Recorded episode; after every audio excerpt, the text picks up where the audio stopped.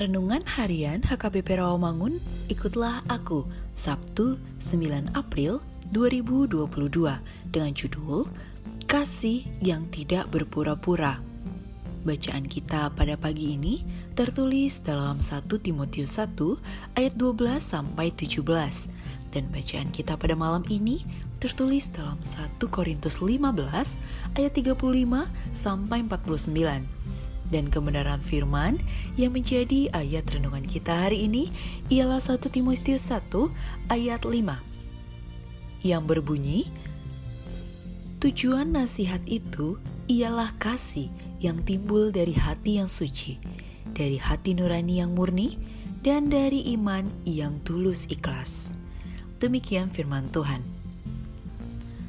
Sahabat, ikutlah aku yang dikasihi Tuhan Yesus Tujuan utama dari semua pengarahan dalam firman Allah bukanlah pengetahuan tentang Alkitab, melainkan perubahan moral dalam batin yang terungkap dalam kasih, kesucian hati, hati nurani yang murni, dan iman yang tidak munafik.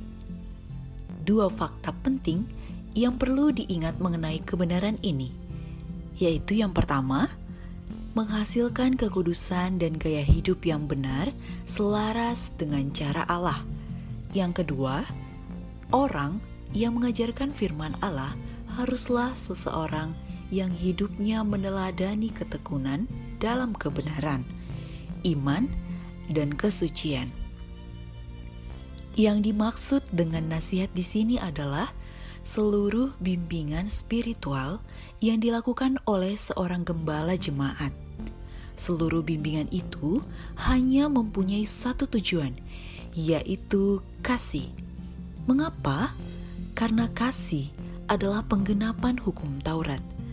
Oleh karena itu, seluruh hidup orang Kristen harus dibina menuju kepada pelaksanaan kasih itu.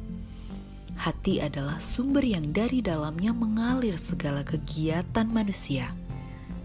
Maka, bila kasih bercokol di dalam hati, ia menguasai seluruh hidup manusia, baik pikiran maupun perbuatannya.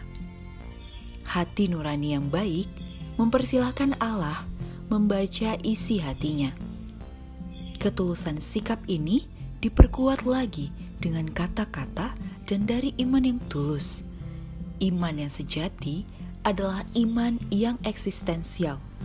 Karena iman yang tulus, maka Kristus akan tinggal di dalam hatinya, dan Ia akan merubah hidup atau eksistensi kita sampai kepada akar-akarnya dan mengisi dengan kasih. Amin. Mari kita berdoa.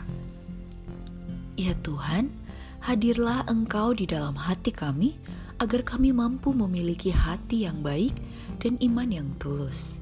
Amin.